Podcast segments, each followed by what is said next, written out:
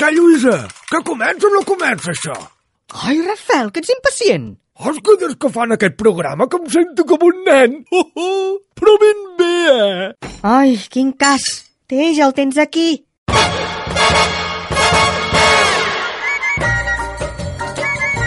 Ai, aquest jovent! Doncs ja ho heu sentit, eh? Comença un programa que agrada tant als petits com als més grans. Comença Capità Gingebre. Aquí recuperem tots el nostre nen i el deixem anar. Va, us explico el contingut del programa d'avui.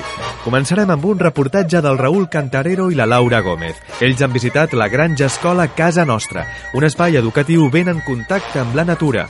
Just després escoltarem un conte deliciós, Raspall, de Pere Caldés, i ens l'explicarà la Megui Cabrera. I a l'última secció rebrem la visita aquí, a l'estudi de la Montse Floriac. Ella és educadora del Centre Sant Pau de Càritas Interparroquial i amb ella hi seran també quatre nens usuaris d'aquest centre. Un programa ben complet, no us el perdeu.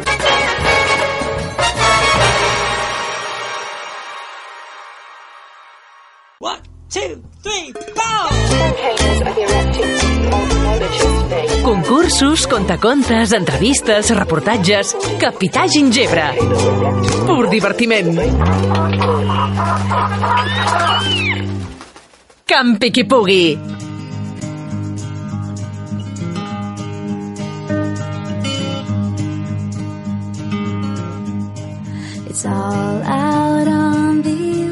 Sortim de l'estudi i anem a fer un tom per Mataró.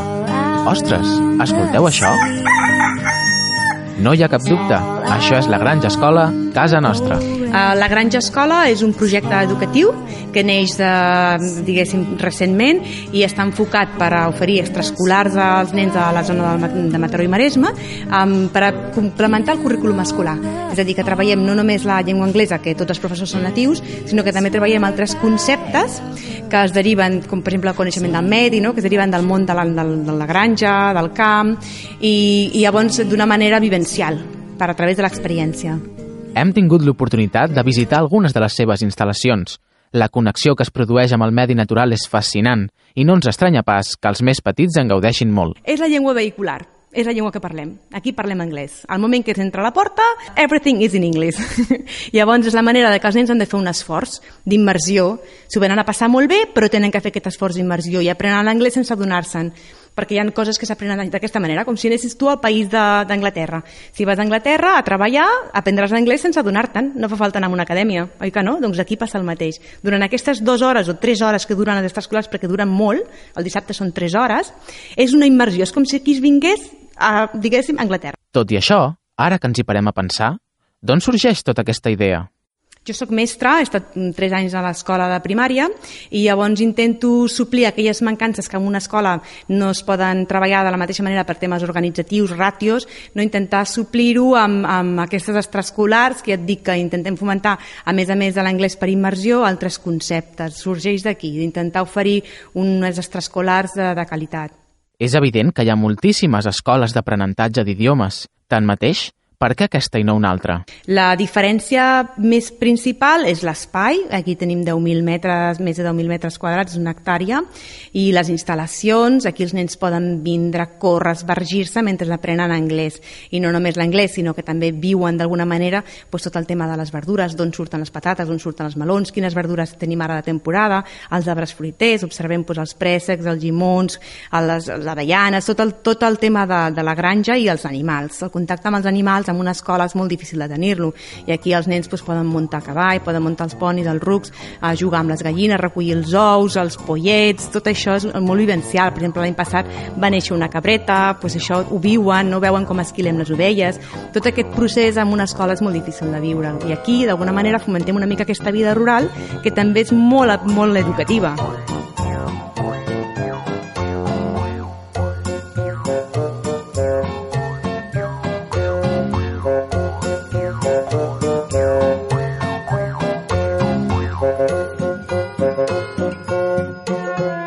Thank you.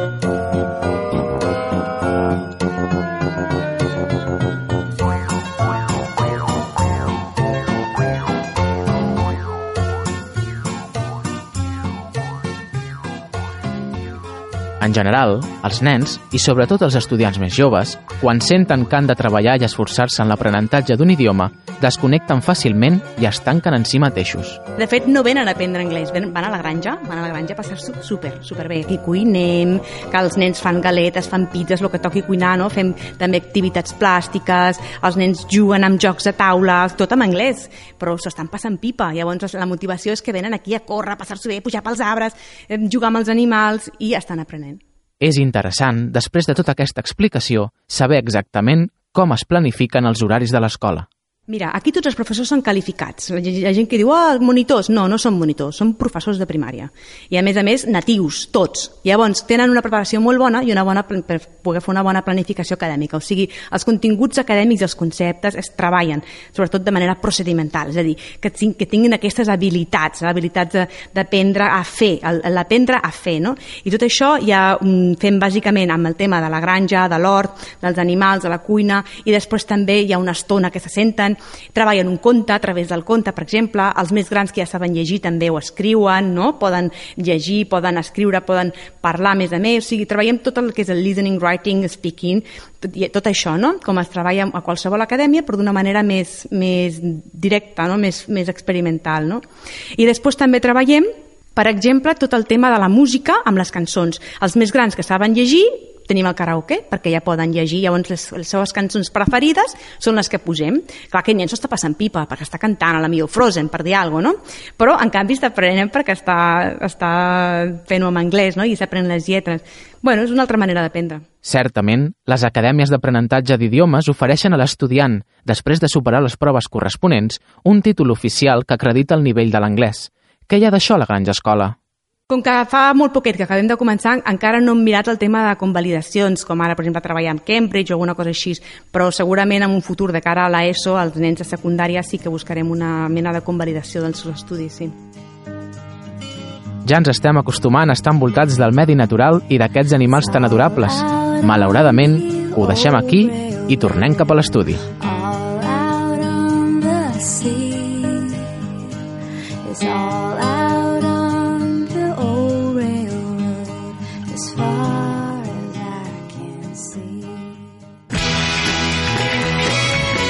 Capità Gingebre.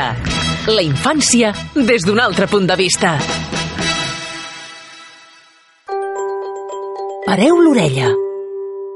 Raspall, de Pere Calders.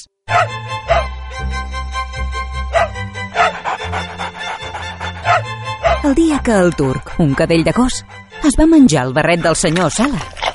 La senyora Sala va decidir que allò ja ultrapassava tota mesura canina, que només una paciència de sant podia haver tolerat que les coses arribessin fins allí.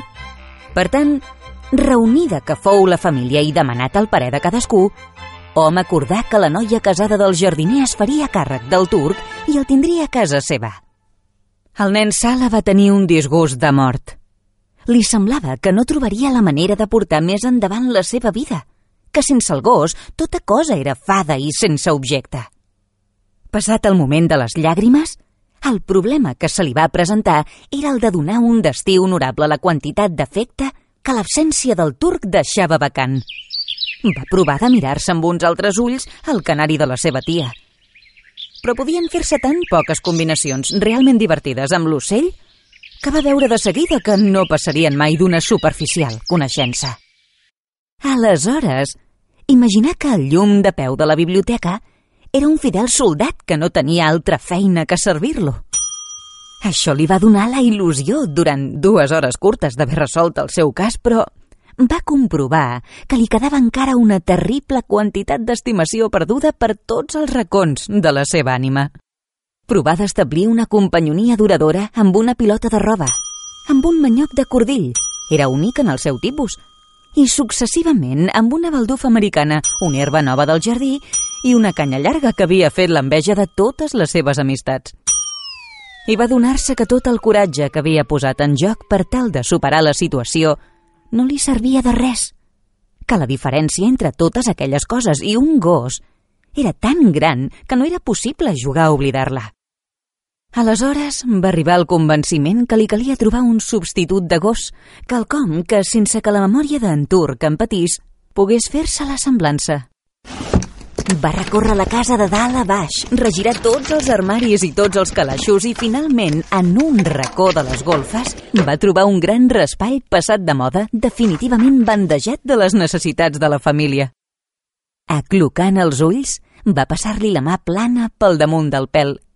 I és ben de debò que va fer-li l'efecte que l'acariciava el llom d'un gos. Per ésser una primera prova va resultar tan bona que el nen Sala va creure que no li calia cercar més.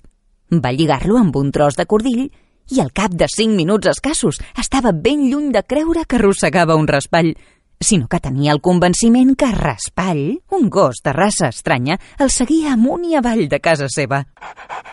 Al vespre, una mica cansat per la capacitat de seguiment del seu nou amic, el nen va anar-se'n a dormir i abans de ficar-se al llit lligar Raspall a la pota d'una cadira. Però encara no s'havia acotxat que ja un entendriment obligador el feia pensar en la manyaguesa de raspall i en la seva docilitat per adaptar-se a qualsevol mena de joc. Va fer-li una mica de mal el pensament que hauria de passar la nit fermat, dormint damunt la fredor de les rajoles i seguint un impuls indominable, saltar al llit d'una revoltada, alliberar Raspall de la seva lligadura i se l'emportar a dormir amb ell. I mireu si passen coses extraordinàries a vegades, que molt abans de dormir-se, el nen va adonar-se que el raspall irradiava calor de vida, que es premia contra el seu cos cercant una carícia. Això, naturalment, li va semblar molt seriós perquè una cosa és que hom jugui a convertir un raspall en un gos i una altra cosa ben diferent és que la transformació es produeixi de bo de veres. Balsar-se, obrir el llum i comprovar esbalaït que el raspall, sense perdre gens ni mica la forma de raspall, es movia com un gos. Va saltar donant algunes voltes prop del nen i després va posar-se de panxa en l'aire per tal que la manyaguessin. Qualsevol que tingui notícia d'aquest prodigi es preguntarà que d'on podia treure potes per a caminar i panxa per a mostrar un raspall que seguís tenint forma de raspall. Però, vençuda la principal dificultat de donar-li vida, aquest detall està tan desproveït d'importància que ni val la pena d'amoïnar-s'hi. El nen va considerar-ho així i tot seguit va tenir el desig d'anar a despertar els seus pares i explicar-los el meravellós esdeveniment. Però assenyat com era i coneixedor dels miraments que un fill ha de tenir amb els seus pares, va decidir esperar l'endemà. Queda ben entès, és clar, que no va poder dormir en tota la nit i, de bon matí, quan va sentir que la seva mare ja feinejava, va anar-la a trobar amb raspall sota el braç. Mireu, mare, va dir-li, he trobat un raspall que en realitat és un gos. Es belluga, coneix la meva veu i porta pusses. La mare se'l va mirar sense deixar la feina i li respongué No siguis beneit i llença aquesta andròmina. Ja ets gran i hauries de tenir més seny. El nen es va sentir ofès i va pensar una vegada més en l'aire de suficiència que tenen la gent gran i la seva manera absurda de viure. No digué res més. S'emportà raspall a la seva habitació i pensà que, si no el volien creure, tot això que es perdrien. A l'hora de dinar, la mare explicà fent-ne burla la descoberta del nen i el pare va riure com si es tractés de la bajanada més gran de la terra. El nen no va replicar, perquè ja sabia que la justícia sempre sobre camí i esperava que tard o d'hora tothom podria comprovar que hi ha coses que no fan riure tant com sembla. I mireu si anava poc errat que la nit següent va despertar-lo un clapit de raspall. Va desvetllar-se i sentir soroll de baralla a la biblioteca i la veu del seu pare demanant auxili. Raspall furgava la porta i tenia un rar neguit. El nen obrí, baixar les escales de puntetes i va veure el seu pare barallant-se amb un lladre que el dominava i estava a punt de baldar-li el cap amb un ferro de la xamaneia. Busca el raspall! Mossega'l! Raspall va córrer com el vent. S'abraonà damunt del lladre i va mossegar-li la canyella. I el lladre es va quedar tan sorprès per l'agressió d'aquella mena de cosa que va rendir-se de seguida i fou lliurat a la policia lligat de peus i mans. Poc després, la mare afirmava amb llàgrimes als ulls que mai més no dubtaria de la paraula del seu fill. I el pare, passant la mà pel llom de raspall, deia «Li farem una caseta al jardí amb tot el confort de les darreres descobertes. Damunt la porta hi farem pintar unes lletres que diguin «No és segur que ho sigui, però mereixeria ésser-ho». Una cosa és que hom jugui a convertir un raspall en un gos i una altra cosa ben diferent és que la transformació es produeixi de bo de veres. Capità Gingebre. Els nens són els mestres.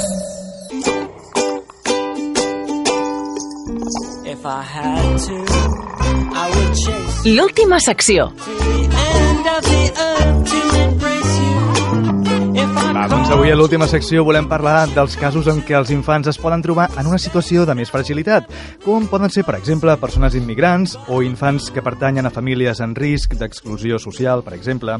Per fer-ho, tenim el plaer de comptar amb la Montse Florià, que ella és educadora social del Centre Sant Pau, que pertany a Càritas Interparroquial de Mataró. Hola, Montse. Hola, bona tarda. Molt bones. I amb la Montse tenim també aquí a l'estudi a quatre dels nanos que fan casal al centre Sant Pau i són el Dauda, la Luana, l'Adam i la Vinto. Sí. Què tal, com esteu? Bé. Sí? Va, Sí. doncs ara una mica de conversa relaxada, eh? Montse, explica'ns una mica quina tasca fa el vostre centre, al centre Sant Pau. Bueno, el centre Sant Pau, nosaltres ja us situaré una mica, eh? estem ubicats al barri del Palau, al Palau Rocafonda, i llavors, bueno, és com un centre així referent en el barri, eh, on fem intervenció socioeducativa. Això vol dir que tenim diferents projectes i atenem a famílies amb dificultats socioeducatives, socials. Val? Concretament, els, els quatre nois i noies que hi han aquí, ells durant el curs participen del reforç educatiu. Això Mhm. vol dir que quan surten de l'escola venen a Sant Pau, sí. brenen, fan els deures, juguen... Bueno, és un lloc de trobada. I a l'estiu, doncs, gaudeixen del casal d'estiu. Mm -hmm. Puedo una cosa? Sí, i Digues, tant, digue'ns, digue'ns. Que demà a les 9 i 15 ens anem a Marineland. Demà. Demà, demà, ui, no sé, aquest demà sí quedarà temporal quan ho sentim això. Escolteu una cosa. Uh, Montse, quins perfils de nanos us trobeu? Hi ha característiques comunes en, en els nens que acolliu vosaltres al centre? Mira, com que ara del centre Sant Pau avui parlem d'infància, no? Sí. el que és el reforç educatiu i, i el casal, els infants que venen a Sant Pau venen derivats de les escoles o de serveis socials. Això vol dir que des de l'escola eh, han observat no? que són infants que els hi costa una mica, eh, una mica, els aprenentatges, senzillament per qüestió d'origen, perquè els pares i les mares d'aquests infants Mhm. doncs, són d'altres països i alguns no n'estan alfabetitzats al seu país d'origen i aleshores els hi costa acompanyar els seus fills en els deures. Sí. Eh? Uh, aquests són els que venen derivats de l'escola, mm, més que res. I els que venen derivats de serveis socials és perquè són infants que, que a casa doncs, uh, no hi ha uns referents prou positius. Eh? O quan, quan surten de l'escola doncs, no tenen un espai per fer deures, això no els poden acompanyar i necessiten una mica de referents positius. Sí. Que jo penso que això a Sant Pau ho troben amb els monitors, no? Sí, vosaltres, uh, com us trobeu al centre? Us trobeu bé? Us trobeu acollits? Sí, mola molt el centre. Mola molt. Quines activitats feu els dies que... Doncs jo diria que en el en començament, no Mhm. casals d'estiu, doncs fem com arribada, fem berenem, Mhm. hi ha tres, tres activitats que diem. Eh, berenem, fem els deures que tinguem i si no tenim ens fiquen uns quants i ja està. I quan acabem dels deures sortim a, a fer unes activitats que els monitors s'han esforçat en fer-nos. Mm -hmm. Vintu, tu t'ho passes bé al casal? Sí. Sí? Què és el que més t'agrada de totes les coses que feu? Pues anar a la, a la piscina, anar d'excursió, Sí. m'agrada tot. Oh, no m'estranya, és que tot el que has dit eh, és boníssim, digue'ns. Crec que el divendres passat, passat Sí? vam anar al bosc vertical. Sí. Bosc vertical, m'expliques què és això? Doncs és un lloc que... Doncs és un lloc que mm, hi ha tirolines, més coses. Tot de, de jocs de... mm, com d'habilitat, diguem-ho així. Sí. Mm. De penjar-te pels arbres Sí. i aquestes coses. Sí. Ah, que bé.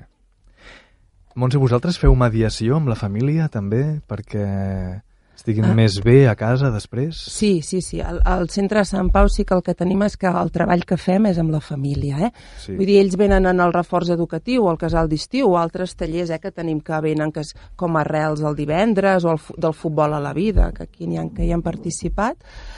i, i sempre fem un seguiment familiar. Vol dir que potser o un pare o una mare d'algun nano que ve a Sant Pau doncs, o ve a les classes d'alfabetització que fem per adults o als tallers prelaborals. Mm?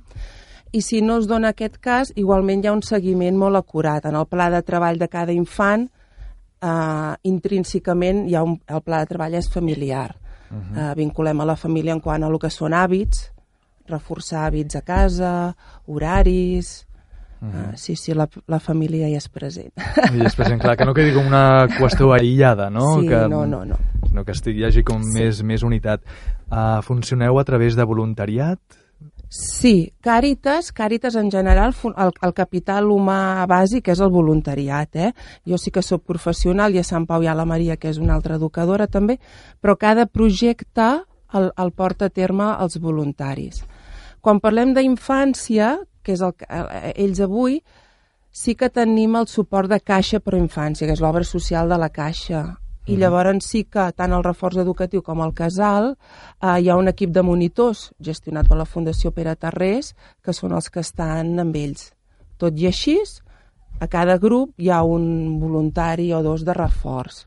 Mhm. Qui prepara el berenar, qui els hi fa la lectura, sí. no? Són unes voluntàries molt maca, no? La Jo Carme i me'ls noms, l'Àngel. sí. Sí, digues els noms.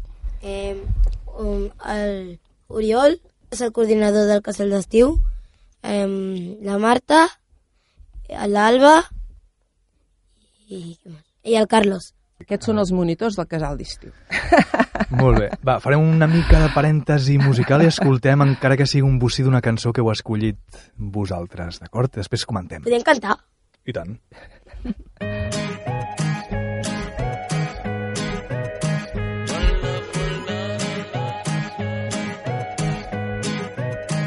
Solo yo quiero acabar todos esos besos que te quiero dar. A mí no me importa que duermas con él, porque sé que sueñas con poderme ver, mujer, que vas a hacer, decídete pa' ver si te quedas o te vas. Si no, no me busques más. Si te vas, yo también me voy. Si te das, yo también te doy mi amor. Bailamos hasta las 10, hasta que duelan los pies. Si te vas, yo también me voy. Si me das, yo también te doy mi amor. Bailamos hasta las 10, hasta que duelan los pies. Se duele el corazón, y conmigo te duelen los pies. Conmigo te duele el corazón y conmigo te duelen los pies. Solo con un beso yo te haré acabar ese sufrimiento que te hace llorar. A mí no me importa que vivas con él, porque sé que mueres. Con poderme ver, mujer, ¿qué vas a hacer? Decídete pa' ver si te quedas o te vas. Si no, no me busques más. Si te vas, yo también me voy. Si me das, yo también te doy mi amor. Bailamos hasta las 10, hasta que duelan los pies. Si te vas, yo también me voy. Si me das, yo también te doy mi amor. Bailamos hasta las 10, hasta que duelan los pies. Se duele el corazón, y conmigo te duelen los pies. Te duele el corazón, y conmigo te duelen los pies. ¿Quién es el que te quita el frío? Que vas conmigo, rumbiamos con él, lloras casi un río. Conmigo rompe la carretera, bandoleras en tu vida y algo que no sirve. Sácalo para afuera, si nadie te frena, la super guerrera. Yo sé que tú eres una fiera, dale. Sácalo Pa' afuera. Yo también me voy. Si me das, yo también te doy mi amor. Bailamos hasta las 10, hasta que duelan los pies. Si te vas, yo también me voy. Escolta, canteu de conya, eh? Però què? De què reies, Adam, tant? Explica'm, explica'm. Com ballaves tu. Ah, vale, m'has pillat ballant aquí desaforadament. Sí, és veritat, és veritat. Com ballava? Hombre, ballaves així. Com molt expressiu, no? Sí, sí, ja ho tinc jo, això. El Dauda s'ha motivat. Sí, eh? No puede parar. què pagar? Ens ha encantat això, mira, primer cop que, que canteu aquí en directe als nanos, eh? Normalment es tallen més, molt bé, molt bé, estic content. Uh, hi ha una cosa que no t'he preguntat abans, Montse, i és, no sé si és massa important, de fet, però la vinculació amb l'església del vostre centre, quina és? Bueno, nosaltres, eh, a partir que som Càritas, vol Sí. dir que som església, vale? Concretament Càritas és la part social, la que treballa l'acció social de l'església. Això per començar, vull dir, és el paraigua que ens aixopluga. Després els nostres locals, oi, estan en l'església de Sant Pau. Moltes famílies diuen, vamos a la iglesia, el niño estudia a la iglesia, no? Vull dir que és el, el referent de, també del barri. Mhm. Bueno, vull dir, a, aquest és el... Pengem de l'església, estem sota el paraigües. I d'alguna manera també hi ha el missatge evangèlic, en el sentit de que eh, acollim a tothom, no es discrimina a ningú ni per qüestió ni de religió, ni de raça, ni d'origen, ni de creença. Això t'anava a dir, conviuen, conviuen moltes eh, religions diverses, sobretot perquè són de procedències molt diferents, no? Sí, Clar. sí. Pen- El gruix fort és musulmana. Quasi bé tots són de... Digues, Luana. Espera, Luana, què ens diu? Que jo no... No és musulmana. No, No, la Luana no. sóc de Brasil. Mm. Mhm. Pare espanyol i mare brasilenya, germà espanyol i jo brasilenya. Tot ben barrejat. Sí. Per tant, no, no, tu no practiques cap religió en concret, vols No. dir? No. no. No. Però vas a la iglesia, eh, aquí bueno, com els tots. locals, no? Que Sí. estem a l'església. Clar, li dieu així, Sí. sí, sí, sí ja Sí. s'entén ja. Vosaltres treballeu la fraternitat entre ells, eh, diguem-ne que ho promocioneu. Sí, ser- bueno, jo crec que aquí es veu, el, el que hi ha aquí, amb ells quatre, aquest... Jo és que ara quan ballaven i tot que me'ls mirava, Sí. és que és un regal estar amb ells, vull dir que jo sempre penso que una mica pot ser un tòpic, pot quedar cursi, però que Sant Pau són com una petita família, ells tenen la seva família, però que allà també som com una, una altra família. Vull dir, hi ha un, es, es treballa molt el vincle, els, els educadors que hi ha, els monitors, eh, vull dir, jo crec, no?, el que és l'estima, es, es Sí. treballa molt a partir de, de l'afecte, Mhm. de, de les abraçades, tot i que a vegades no els hi agrada gaire. Uah, Eh? hi ha un monitor que jo crec que es passa molt. és, és el team que he dit, el Carlos. Ahà. I a l'Uri. A l'Uri sobretot. Llepa, Que de petons... molt, molt carinyosos, massa i tot. A veure, Sí. és És, que, és el seu fill, L'Oriol. Ah. És que cada, cada vegada que ens veu ens, ens llepa la cara. Ja, Fa Com petons de vaca, de vaca, en diuen, Ah. ells, perquè fa així amb la llengua i em diuen que fa petons de vaca. Jo, per mi, jo vull dir una cosa també de Sant Pau, Digues. que per mi vindre a Sant Pau és molt important perquè m'ajuden amb els meus deures, que si tinc un fallo i faig algú dolent m'ho diuen i així puc reflexionar per coses Mhm. i també per mi és una segona família. Molt maco. cosa. Digues. La, que, de Sant la professora, la monitora que fa més petons és la Marta. Oh, sí? Vull dir que competeixen tots per petons i abraçades, veig, eh? I llapades. Escolteu, fins aquí hem arribat, ja no hi ha més temps. Ens ha encantat tenir-vos, ha sigut molt divertit. I, eh, per tant, sempre, quan ens ho passem també, emplacem a que repetiu, sempre que vulgueu. Ja, ja estarem en contacte, d'acord? Moltes gràcies per venir. Dauda, Luana, Vintu, Montse i Adam. Olé! Una abraçada. Fins molt aviat. Gràcies. Hasta luego. Adéu. I fins aquí el programa d'avui. Ens n'anem amb un boníssim gust de boca després de compartir aquesta estona amb la Montse i aquests quatre nens tan simpàtics i esperem que també ho hagueu gaudit des de casa, eh? Cuideu-vos molt i fins la setmana que ve!